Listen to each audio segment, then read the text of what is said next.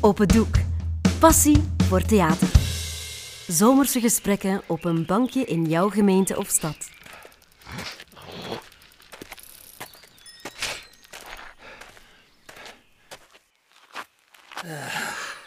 Ah, maar- Ik ben blij dat ik zit. Die laatste vijf kilometer hè, heb ik me toch wat geforceerd. Hey, Hallo. Eh, Zat jij in Vleeweek ook niet? ja, Ah, toevallig zou ik zeggen. toeval bestaat niet, meneer. Cliché, filosofisch cliché. Niet voor Laplace. Pierre-Simon Laplace, een Franse filosoof. Eh, passé, madameke, dat is gewoon passé. Max Planck hè, heeft met de kwantumtheorie een eind gemaakt aan dat determinisme. Ah, meneer doet nog wat anders dan fietsen. Ik heb mijn schooljaren afgemaakt, madameke. Straf, meneer. Excuseer, zouden we dat meneer en madame nu niet beter achterwege laten en gewoon onze voornamen gebruiken? Ik ben Nico. Vindt dat helemaal niet zo gewoon? Maar, Dat twee onbekenden die elkaar voor de tweede keer toevallig ontmoeten op een toevallige bank in een openbare ruimte, zomaar ineens elkaar met de voornaam gaan aanspreken. We kennen elkaar toch niet? nee. Ik woon hier 40 kilometer vandaan en, eh, en soms spring ik op een fiets, op een stalen ros, om mijn gedachten de vrije loop te laten om, en om mijn conditie op peil te houden. En soms val ik wel uitgeput neer op een bank waar toevallig voor de tweede keer in mijn leven een knappe jonge dame zit die dat ik niet ken. Juist. maar die dat ik misschien toch wel iets beter wil leren kennen. Eh, Als ik me dat in deze maatschappij mag permitteren, tenminste. Emma. Ik ben Emma. Ik ben... eh, d- ik, d- eh, d- dag... eh, Dag Nico. ja. Ja.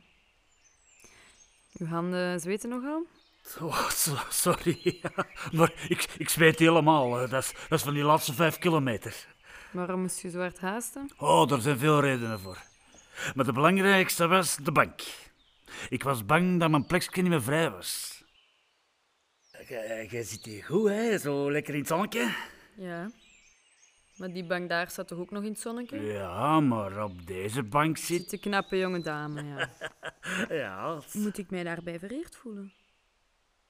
Aan hoeveel jonge dametjes heb je al zo'n complimentje gegeven? Zet je een tel kwijt, Nico?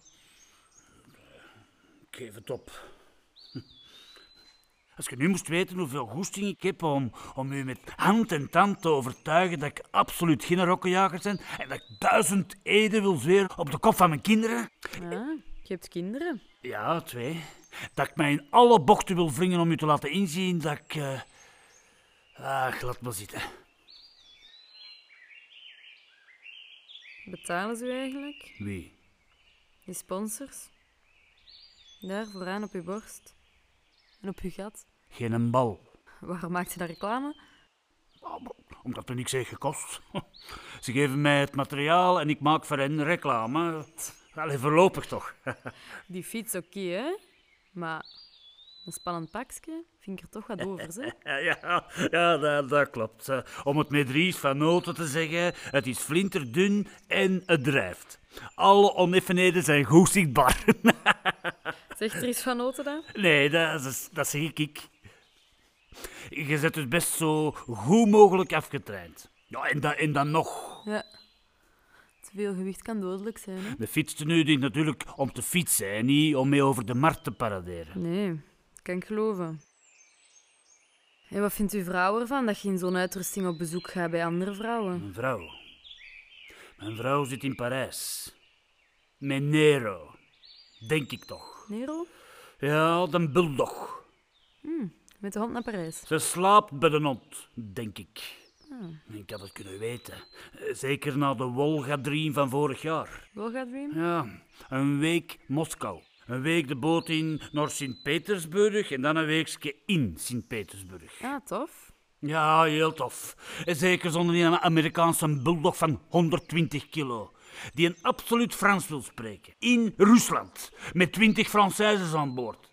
Komt er met zijn vet lijf met een vrouw aanleunen. J'ai entendu que vous êtes de la Belgique. Donc vous parlez le français. J'espère de parler de le français pendant cette cruise. Nous sommes des Flamands, probeer ik nog. Maar mevrouw maakt een verontschuldigend gebaar en... Oui, monsieur. En het hek is van een dam. Maar waarom probeerde hij het niet bij die Française? Ah, voilà. Dat, dat heb ik haar ook gezegd. Maar een vrouw die aandacht krijgt, is niet meer te houden. Je had datzelfde niet voor mannen? Dat kan. En? Je had hem geld? Waarschijnlijk wel. Hij bezette de grootste luxe cabine met zijn vette geluid. De crew daar ligt er nogal veel eieren onder, vond ik.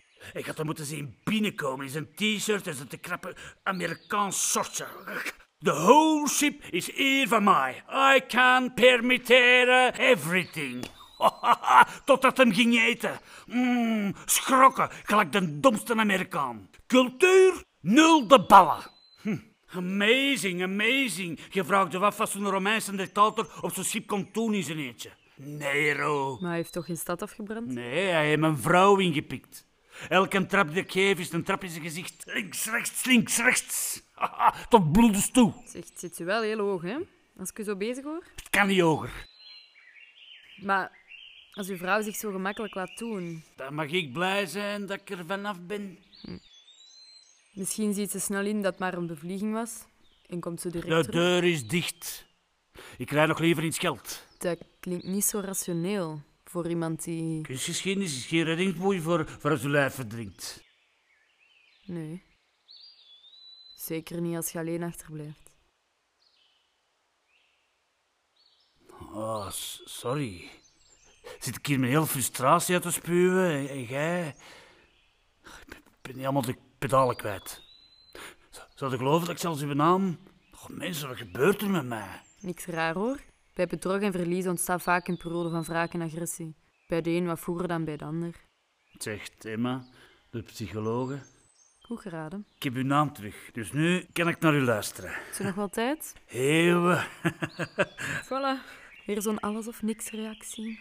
Oké, je bent getrouwd. Nee, Gescheiden. nee. Eh, mijn vader is juist gestorven. Oh, sorry. En ik zit hier te lamenteren over Nero. Ik vond het wel boeiend hoor. Als psychologe. Nee. Ja, ook. Maar vooral als mens. Het leven hakt er soms wel hard in. Zoals bij u. Min of meer, ja. Mijn vader was een neer van 120 kilo. Maar wel een meter 65. Een bolleke dus.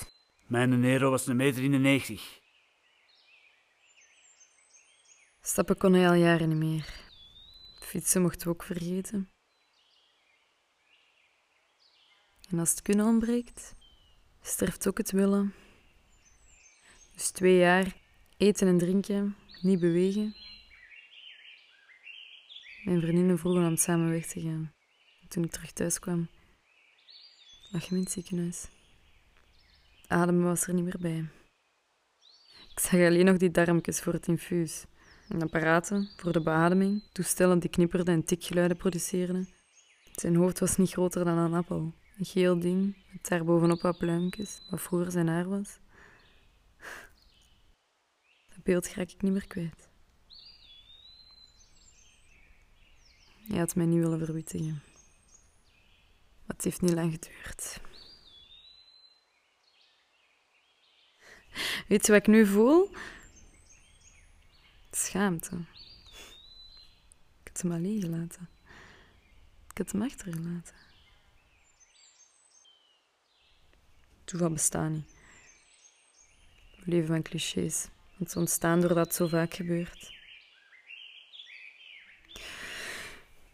Oké, ik denk dat ik eens naar huis ga. Ik woon daar. Aan de overkant. D- dan stap ik ook maar eens op.